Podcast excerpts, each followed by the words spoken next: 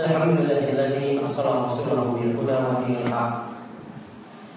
ليظهره على الدين كله وكفى بالله شهيدا وأشهد أن لا إله إلا الله وحده لا شريك له إكراما به وتوحيدا وأشهد أن محمدا عبده ورسوله اللهم صل على نبينا وسيدنا محمد وعلى آله ومن تبعهم بإحسان إلى يوم الدين قال الله تعالى في كتابه الكريم يا أيها الذين آمنوا اتقوا الله حق تقاته ولا تموتن إلا وأنتم مسلمون وقال تعالى يا أيها الناس اتقوا ربكم الذي خلقكم من نفس واحدة وخلق منها زوجها وبث منهما رجالا كثيرا ونساء واتقوا الله الذي تساءلون به والأرحام إن الله كان عليكم رقيبا وقال تعالى يا أيها الذين آمنوا اتقوا الله وقولوا قولا سديدا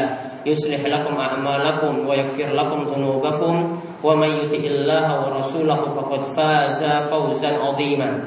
فإن أصدق الحديث كتاب الله وخير الهدى هدى محمد صلى الله عليه وسلم وشر الأمور محدثاتها وكل محدثات بدعة وكل بدعة ضلالة وكل ضلالة في النار. Ma'asyiral muslimin Para jamaah Jumat Yang semoga selalu dirahmati oleh Allah subhanahu wa ta'ala. Alhamdulillah Kita memanjatkan puji syukur kepada Allah subhanahu wa ta'ala Atas nikmat yang begitu besar Yang Allah telah anugerahkan kepada kita sekalian.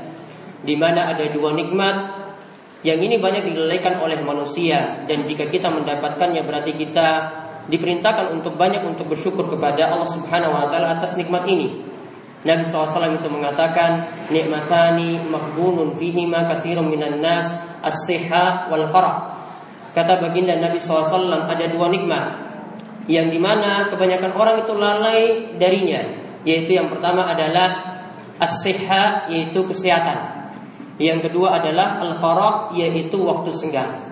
Maka jika Allah Subhanahu wa taala memberikan kita nikmat pada hari ini, yaitu memberikan kita nikmat sehat dan juga memberikan kita waktu luang sehingga kita bisa melangkahkan kaki kita ke masjid yang mulia ini untuk melaksanakan kewajiban sholat Jumat secara berjamaah, maka patutlah kita untuk terus bersyukur kepada Allah Subhanahu wa taala dan sebagaimana yang Allah katakan siapa yang rajin bersyukur, maka Allah akan terus menambahkan nikmat padanya.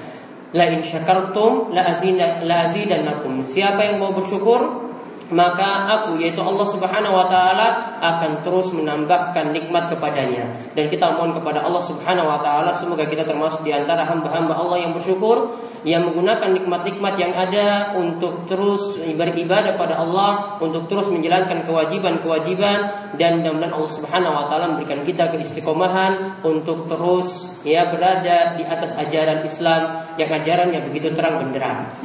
Kemudian salawat dan salam semoga tercurah kepada junjungan kita Nabi besar Nabi Agung Muhammad Sallallahu Alaihi Wasallam kepada para sahabatnya, kepada istri-istri beliau, ummahatul mukminin yang mulia, juga kepada setiap ulama dan para tabiin dan ulama-ulama yang perjuangkan Islam hingga akhir zaman. Mudah-mudahan keselamatan dan doa juga tercurahkan kepada mereka semuanya. Ma'asyiral muslimin, jamaah sholat Jumat yang semoga selalu dirahmati oleh Allah Subhanahu wa taala. Ada suatu pepatah dalam bahasa Arab yang ini berisi kalimat yang ringkas namun mengandung pelajaran yang sangat berharga sekali bagi kita.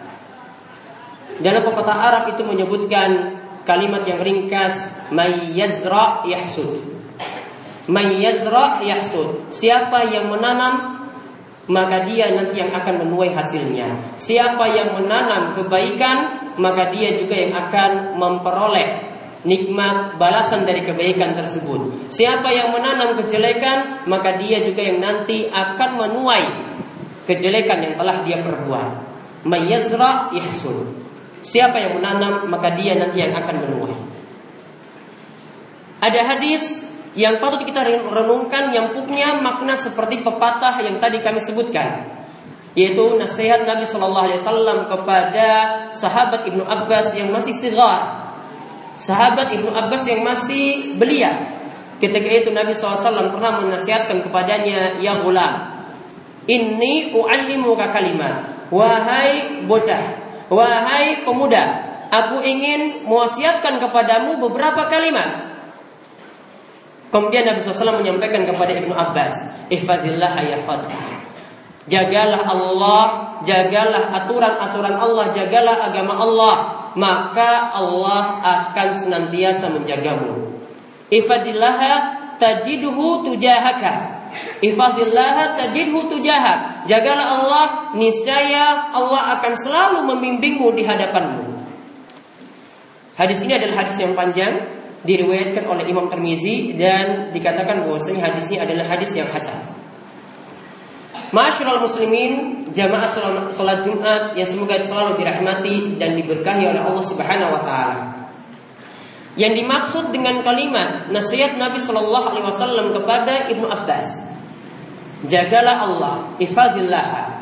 Jagalah Allah di sini dikatakan oleh para ulama, dikatakan oleh Ibnu Rajab bahwasanya dimaksudkan adalah ihfaz hududallahi yaitu jagalah batasan-batasan Allah yaitu yang dimaksudkan di sini kata beliau hendaklah setiap orang berusaha untuk menjalankan perintah dan menjauhi larangan-larangan Allah Subhanahu wa taala hendaklah setiap orang itu menjaga perintah-perintah dan juga berusaha menjauhi larangan-larangan Allah Subhanahu wa taala.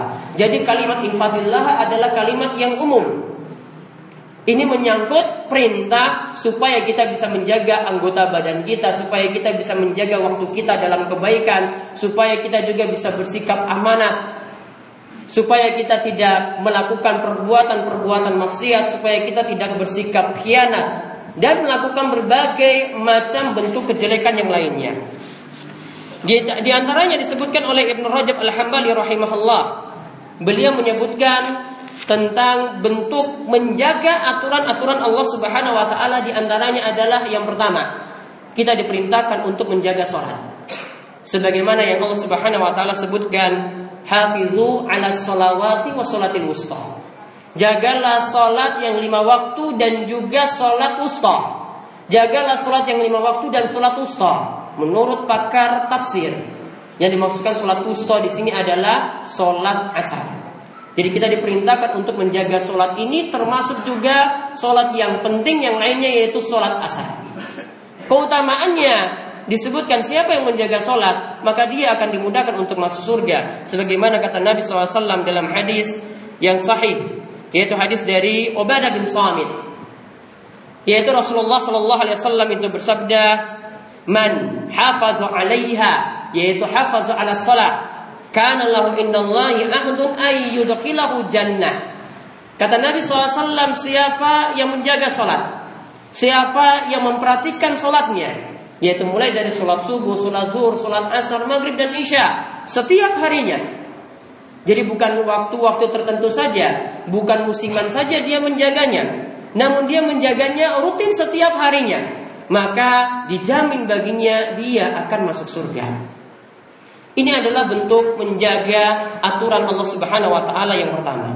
Kemudian yang kedua, kita diperintahkan lagi untuk menjaga badan kita atau perut kita ini dari makanan-makanan yang diharamkan. Kita diperintahkan untuk menjaga perut kita ini dari makanan-makanan yang diharamkan. Disebutkan dalam hadis Abu Hurairah yang diriwayatkan oleh Imam Muslim, di mana Nabi SAW itu bersabda, Inna Allah la yaqbalu ila thayyiba wa inna Allah amara al-mu'minina bima amara bihil mursalin. Sesungguhnya Allah itu thayyib. Allah itu bebas bersih dari segala macam kekurangan dan aib. Kemudian Allah hanya menerima dari yang taib yaitu dari yang halal halal saja. Maka kita bisa diterima amalan kita, doa-doa kita juga bisa diterima oleh Allah Subhanahu wa taala jika kita mengkonsumsi yang halal. Jika kita mau memperhatikan yang halal, maka penjagaan yang kedua yang harus kita jaga yaitu kita perhatikan perut kita cuma diisi dengan yang halal saja dan kita berusaha untuk menjauhi makanan yang haram, minuman yang haram, begitu juga dari hasil pekerjaan yang haram. Karena ada seorang yang Nabi SAW sebutkan yutilus safar. Dia melakukan perjalanan jauh. As-asa akbar, dia dalam keadaan kusut dan penuh debu. Yamutu yadahi ila sama dan dia mengangkatkan tangannya ke langit untuk berdoa. Lalu dia seraya berdoa kepada Allah Subhanahu wa taala meminta ya Rabbi ya Rabbi wahai Rabbku. Wahai Rabbku. Kemudian Nabi SAW itu mengatakan wa mat'amu haramun wa mashrabu haramun wa malbasu haramun. Wa qudhiya bil harami fa anna yustajabu lidzalik. Kata Nabi SAW, ini makanannya adalah makanan yang haram. Yang dia minum adalah minuman yang haram. Pekerjaan dia juga adalah pekerjaan yang haram. Pakaian dia juga adalah dari pakaian yang haram. Bagaimana mungkin doanya itu bisa dikabulkan? Maka yang kedua kata Ibnu Rajab yang mesti kita jaga adalah kita menjaga perut kita ini supaya dijauhkan dari hal-hal yang Allah Subhanahu wa taala itu haramkan. Masyarul muslimin, para jamaah sekalian yang semoga selalu dirahmati oleh Allah Subhanahu wa taala. Intinya bukan hanya sholat yang kita jaga, bukan hanya makanan-makanan haram saja yang kita jauhi. Namun segala perintah yang Allah perintahkan maka kita jalankan, segala larangan yang Allah Subhanahu wa taala larang maka kita berusaha untuk menjauhinya. Faedah yang besar jika kita memperhatikan ajaran-ajaran Islam menjalankan perintah dan menjauhi larangan ini disebutkan oleh Nabi SAW ihfadillah yahfadkah jagalah aturan Allah niscaya Allah Subhanahu wa taala itu akan menjagamu. Bagaimanakah bentuk penjagaan Allah Subhanahu wa taala? Bagaimanakah Allah itu bisa menjaga kita? Maka disebutkan oleh Ibnu Rajab di antaranya ada lima bentuk penjagaan Allah. Jika kita mau beribadah jika kita mau melakukan ketaatan, jika kita mau bertauhid kepada Allah Subhanahu wa taala. Yang pertama, jika kita mau beribadah dan taat kepada Allah, bertakwa kepada Allah Subhanahu wa taala, kita akan dijaga lewat para malaikat yang Allah Subhanahu wa taala perintahkan. Sebagaimana yang disebutkan dalam surat Ar-Ra'd ayat ke-11. Allah Subhanahu wa taala berfirman, "Lahu muaqibatun min baini yadayhi wa min khalfihi yahfazunahu min amrillah." yaitu orang-orang ini memiliki malaikat yang menjaganya di samping dan di belakangnya. Yahfazunahu min amrillah. Malaikat-malaikat tadi itu menjaga orang tersebut karena perintah dari Allah Subhanahu wa taala. Kenapa menjaganya? Dijelaskan oleh para ulama di antaranya adalah Imam Mujahid, seorang tabi'in. Ia mengatakan, "Ma min 'abdin illa lahu malakun yahfazuhu fi naumihi wa yaqzatihi minal jinni wal ins."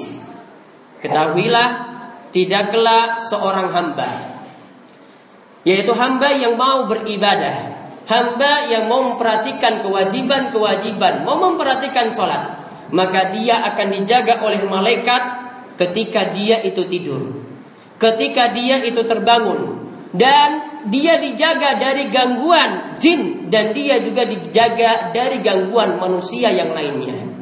Sungguh penjagaan yang besar yang kita tidak bisa membayar orang untuk menjaga seperti ini.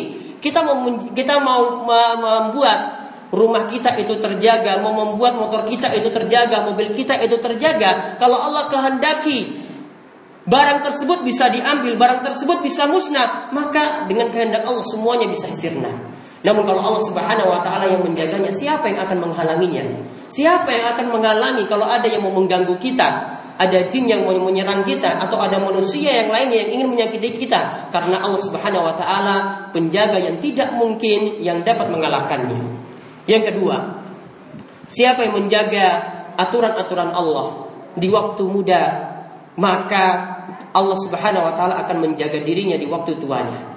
Ini sebagaimana yang kita katakan di awal tadi, mayyazra yahsun. Siapa yang menanam maka dia nanti yang akan menuai.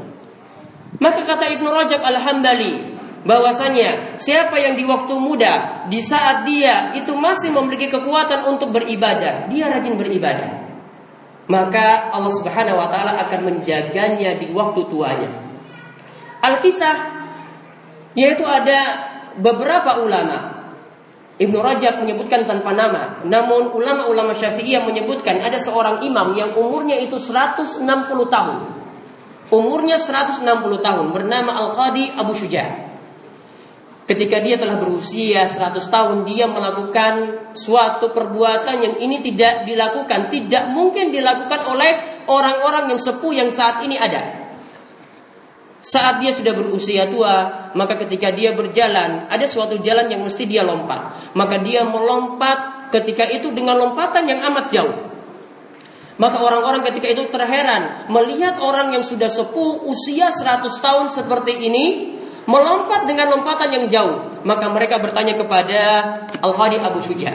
Bertanya kepada ulama ini, kenapa bisa engkau dalam keadaan sudah tua renta, sepuh seperti ini, masih kuat Bahkan diceritakan dia masih cerdas.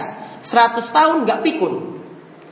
Sampai 160 tahun itu dia dalam masih keadaan cerdas, dalam keadaan kuat. Maka ketika itu Al-Qadi Abu Syuja atau ulama ini mengatakan bahwasanya hati jawarih hafiznaha 'anil mahasi fi sigar fahafizallahu alaina fil kibar. Ia mengatakan memberikan tipsnya. Kenapa bisa kuat seperti itu ketika dia berada dalam usia tua? Di sini dia tidak memberikan tips. Beliau tidak memberikan tips supaya suruh olahraga pagi terus tidak. Supaya jogging terus tidak. Supaya melakukan fitness terus tidak. Apa yang beliau perintahkan di sini? Beliau cuma mengatakan, diceritakan. Di waktu mudaku, aku selalu jaga anggota badanku ini untuk melakukan kebaikan-kebaikan. Aku jaga dari maksiat. Jadi anggota badannya ini tidak pernah dia gunakan untuk maksiat. Maka akhirnya Allah jaga anggota badanku ini di waktu kuat, di waktu tuaku sampai bisa kuat seperti saat ini. Jadi anggota badannya bisa kuat gara-gara apa? Gara-gara dia menggunakan anggota badannya ini untuk ibadah dan dia berusaha untuk tidak melakukan maksiat. Sebaliknya, para ulama ada yang melihat, ada yang sudah sepuh, sudah tua, Kemudian asail fitarik yaitu dia meminta-minta di jalanan. Ngemis-ngemis di jalanan, sudah dalam keadaan yang hina. Maka para ulama ketika itu melihatnya dan mengatakan inna haza daya Allahu fi sigari fadaya Allahu fi kibarihi. Orang ini di waktu mudanya dia benar-benar menyia-nyiakan Allah Subhanahu wa taala. Dia tidak kenal ibadah, tidak kenal salat, tidak kenal untuk melakukan kewajiban-kewajiban. Karena prinsip dia di waktu muda yang penting muda kita pokoknya foya-foya. Tua baru ibadah. Orang seperti ini ulama temukan dia di waktu tua jadi pengemis. Maka ulama mengatakan ini di waktu mudanya dia benar-benar menyanyiakan hak Allah Subhanahu wa taala. Maka lihatlah di waktu tuanya Allah akhirnya menyia-nyiakan dia juga. Allah tidak menjaganya. Kaum muslimin rahimani wa rahimakumullah. Itu bentuk penjagaan yang kedua, ya kesehatan kita, kekuatan kita, itu akan dijaga oleh Allah Subhanahu wa taala di waktu tua kita ketika kita memperhatikan ibadah, ketika kita memperhatikan sholat saat kita berada dalam usia muda. Kemudian bentuk penjagaan yang lainnya lagi adalah ini penjagaan yang besar. Yaitu Allah Subhanahu wa taala di samping menjaga diri kita, Allah juga akan menjaga keturunan kita. Oleh karena itu ada kisah dalam surat Al-Kahfi. Dalam surat Al-Kahfi ini disebutkan ada dua anak yatim di suatu kota. Ketika itu Nabi Khidir alaihissalam, eh, ketika itu Khidir, ya Khidir alaihissalam bersama Nabi Musa alaihissalam, Khidir ketika itu melewati rumah mereka yang dalam keadaan tembok rumahnya itu roboh. Kemudian Khidir mendirikan, ya menegakkan kembali tembok tersebut. Kemudian Musa ketika itu bertanya, kenapa engkau melakukan seperti itu, mendirikan tembok yang sudah roboh seperti tadi? Kemudian diceritakan bahwasanya ini kedua orang tuanya dulu itu soleh. Wa kana tahtau kanzul dan di bawah rumah mereka itu terdapat harta simpanan untuk menjaga mereka berdua dan dikatakan dalam ayat wa kana abuhuma salihah. Dulu kedua orang tuanya itu soleh, maka anak-anaknya juga dijaga oleh Allah Subhanahu wa taala dengan masih diberikan harta seperti itu. Maka ada kisah dari Said bin Musayyib. Dia mengatakan kepada anaknya, wahai anakku, engkau tahu, aku ini biasa menambah sholat sunnah, aku tambah terus sholat sunnahku. Ini tujuannya apa? Tujuannya cuma satu, wahai anakku, aku menjaganya supaya Allah Subhanahu Wa Taala itu menjagamu. Wahai anakku, aku terus menjaga sholat sunnah ini, cuma tujuannya adalah supaya Allah Subhanahu Wa Taala itu menjagamu. Lalu dia menjaga, membaca firman Allah Subhanahu wa taala, "Wa kana abuhuma Ingat dalam surat Al-Kahfi kedua orang tuanya itu soleh, maka Allah Subhanahu wa taala juga menjaga keturunannya menjadi ya penjagaan seperti itu. Maka pernah dikatakan oleh Umar bin Abdul Aziz, dia mengatakan, "Ma min mu'minin yamut Tidaklah seorang mukmin itu meninggal dunia illa hafizahallahu fi akibihi wa akibi akibihi. Tidaklah seorang mukmin itu meninggal dunia melainkan Allah akan menjaga keturunannya dan juga menjaga keturunannya dari keturunannya itu sampai cucu cicitnya seterusnya akan terus dijaga oleh Allah Subhanahu wa taala. Ini adalah penjagaan yang ketiga yang Allah Subhanahu wa taala berikan. Kemudian yang keempat, penjagaannya adalah orang yang selalu beribadah. Kadang suatu waktu dia mungkin mendapatkan suatu bahaya. Ada suatu kisah bahwasanya seseorang yang menjadi bekas budak Nabi SAW bernama Safinah. Pernah suatu hari dia numpak perahu, naik ke atas perahu, kemudian berlayar. Kemudian akhirnya dia terdampar di suatu pulau. Saat itu dia terdampar di suatu jazirah, di suatu pulau, pulau, maka ketika itu tidak ada satupun orang yang bisa menolongnya untuk menunjukkan jalan. Yang ada ketika itu dia cuma melihat seekor singa. Yang ada ketika itu dia cuma melihat seekor singa, binatang buas yang asalnya secara tabiat binatang ini pasti menyerang manusia. Namun ketika itu dengan izin Allah. Karena Safinah ini adalah hamba Allah Subhanahu wa taala yang selalu memperhatikan ibadah. Maka ketika itu dengan izin Allah malah singa ini yang menunjukkan jalan sehingga ya singa ini menunjukkan jalan kepada Safinah sehingga dia bisa pulang selamat dari pulau tersebut dengan izin Allah Subhanahu wa taala dan sampai ketika ingin berpisah mereka berdua juga berpisah layaknya manusia itu berpisah saat ya bertemu ketika itu. Maka lihat terselamatkan juga gara-gara memperhatikan ibadah. Begitu juga ada kisah dari Ibrahim bin Adham. Suatu saat dia pernah tertidur di suatu kebun. Saat itu di sampingnya ada seekor ular. Ular ini asalnya itu akan menggigit dan membawa racun. Pasti orangnya akan mati ketika digigit. Namun ketika Ibrahim bin Adham, seorang ulama dan dia pasti adalah orang yang selalu memperhatikan aturan-aturan Allah. Maka ketika itu saat ular tadi melihat Ibrahim itu tidur, dia membiarkan begitu saja sampai terbangun dan tidak menggigitnya sama sekali dan tidak menggigitnya sama sekali dengan izin Allah Subhanahu wa taala. Maka dapat kita simpulkan bagaimanakah bentuk penjagaan Allah Subhanahu wa taala yang begitu besar. Bagi siapa? Yaitu bagi orang yang memperhatikan kewajiban-kewajiban, memperhatikan ibadah, memperhatikan sholat serta berusaha untuk menjauhi larangan-larangan Allah Subhanahu wa taala. Aku qouli hadza wa astaghfirullah li wa lakum wa muslimin innahu huwas samiul alim.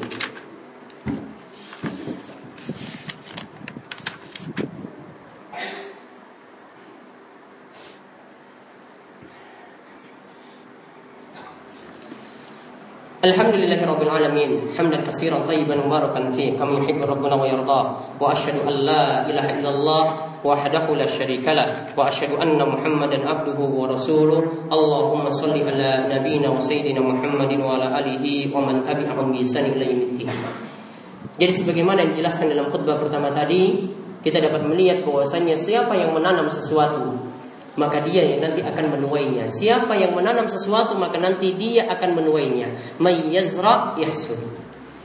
Maka siapa yang menjaga perintah-perintah Allah, siapa yang memperhatikan ibadah, siapa yang memperhatikan sholat, maka tentu Allah Subhanahu wa taala akan senantiasa menjaganya. Menjaga dia ketika dia susah, menolong dia lewat perantaraan para malaikat, menjaga dirinya ketika dia berada dalam usia tua, menjaga juga keturunannya bahkan dari sesuatu yang bahaya pun. Allah Subhanahu wa taala akan terus menjaganya. Yang lebih daripada itu semuanya, kalau tadi adalah penjagaan-penjagaan dunia, orang yang menjaga aturan-aturan Allah, rajin ibadah, memperhatikan kewajiban-kewajiban dan menjauhi larangan, penjagaan yang terbesar adalah Allah Subhanahu wa taala akan menyelamatkan dia dari siksa api neraka. Maka pernah Umar itu menceritakan bahwa Nabi SAW itu pernah berdoa, Allahumma fasni bil Islam qaiman, wa fasni bil Islami qaidan, wa fasni bil Islami raqidan. Ya Allah, ya jagalah aku supaya aku tetap dalam keadaan Islam ketika aku itu berdiri, ketika aku itu qai dan ketika aku duduk dan ketika itu aku roki dan ketika aku dalam keadaan tertidur atau berbaring. Maka kita banyak berdoa kepada Allah Subhanahu wa taala. Semoga kita dimudahkan untuk beribadah pada Allah Subhanahu wa taala menjalankan kewajiban-kewajiban. Dan mudah-mudahan Allah Subhanahu wa taala terus memberikan nikmat Islam kepada kita dan Allah menjaga diri kita terselamatkan dari berbagai macam musibah dan bahaya dan kesulitan menjaga keturunan kita pula dan menyelamatkan kita dari siksa pada hari kiamat kelak.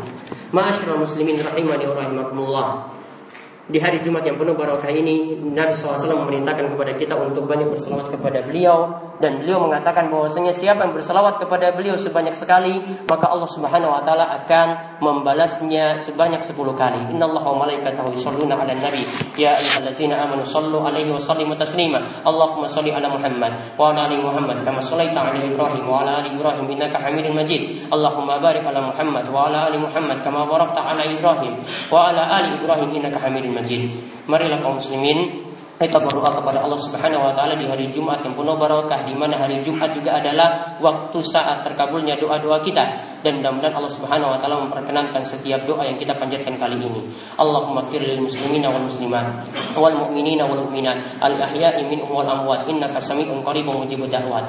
Allahumma alif baina qulubina wa aslih zata bainina wahdina subul salam subul salam wa najina minas sulumati ila nur وجن وبارك لنا في أسمائنا وأبصارنا وقلوبنا وذريتنا وتب علينا إنك أنت التواب الرحيم وجعلنا شاكرين لنعمك مسنين علينا قابلين لها ومتمم علينا اللهم اقسم لنا من خشيتك ما تحول به بيننا وبين معصيتك wa min ta'atika ma tuballighuna bihi jannata wa min al-yaqini ma tuhawwinu bihi alaina masa'ibad dunya. Allahumma matti'na bi asma'ina wa absarina wa quwwatina ma ahyaitana waj'alhu warisa minna waj'al tha'rana ala man zalamana wansurna ala man adana wa la taj'al musibatana fi dinina wa la taj'al ad-dunya akbara hammina wa la mablagha ilmina wa la tusallit alaina man la yarhamuna. Rabbana hab lana min azwajina wa zurriyyatina qurrata a'yun waj'alna lil muttaqin sakina imama Ya Allah ya Rabb kami ampunilah segala dosa-dosa kami.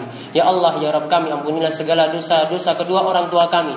Ya Allah ya Rabb kami ampunilah setiap dosa orang-orang yang telah mendahului kami. Ya Allah, angkatlah kami dari segala macam kesulitan. Ya Allah, angkatlah kami dari berbagai macam utang yang menyulitkan. Ya Allah, angkatlah kami dari berbagai macam musibah yang menimpa kami saat ini. Sembuhkanlah saudara-saudara kami yang dalam keadaan sakit. Berikanlah kepada mereka kesehatan. Ya Allah, berikanlah juga ampunan kepada saudara-saudara kami yang tidak bisa hadir saat ini yang mereka dalam keadaan sakit atau mereka belum mendapatkan hidayah. Ya Allah, berikanlah kami kemudahan untuk bisa menjaga perintah-perintahmu, bisa menjaga sholatmu. Ya Allah, berikanlah kami kemudahan untuk menjaga lisan ini. Ya Allah berikanlah kami kemudahan untuk melakukan kewajiban-kewajiban yang lainnya. Ya Allah ya Rabb kami berikanlah kami pemimpin yang baik. Jagalah pemimpin kami dan juga jagalah orang-orang yang dapat memberikan kebaikan kepada kami. Ya Allah perbaikanlah perbaikilah urusan-urusan kami. Allahumma agisna. Allahumma agisna. Allahumma agisna. Allahumma agisna. Ya Allah turunkanlah hujan kepada kami yang penuh berkah. Ya Allah turunkanlah hujan kepada kami yang penuh berkah. Ya Allah turunkanlah hujan kepada kami yang penuh berkah. Rabbana atina fid dunya hasanah wa fil الآخرة حسنة وقنا عذاب النار. ربنا أتنا في الدنيا حسنة وفي الآخرة حسنة وقنا عذاب النار. ربنا أتنا في الدنيا حسنة وفي الآخرة حسنة وقنا عذاب النار. إن الله يأمر بالعدل والإحسان وإيتاء ذي القربى وينهى عن الفحشاء والمنكر والبغي يعظكم لعلكم تذكرون ولذكر الله أكبر أقيموا الصلاة.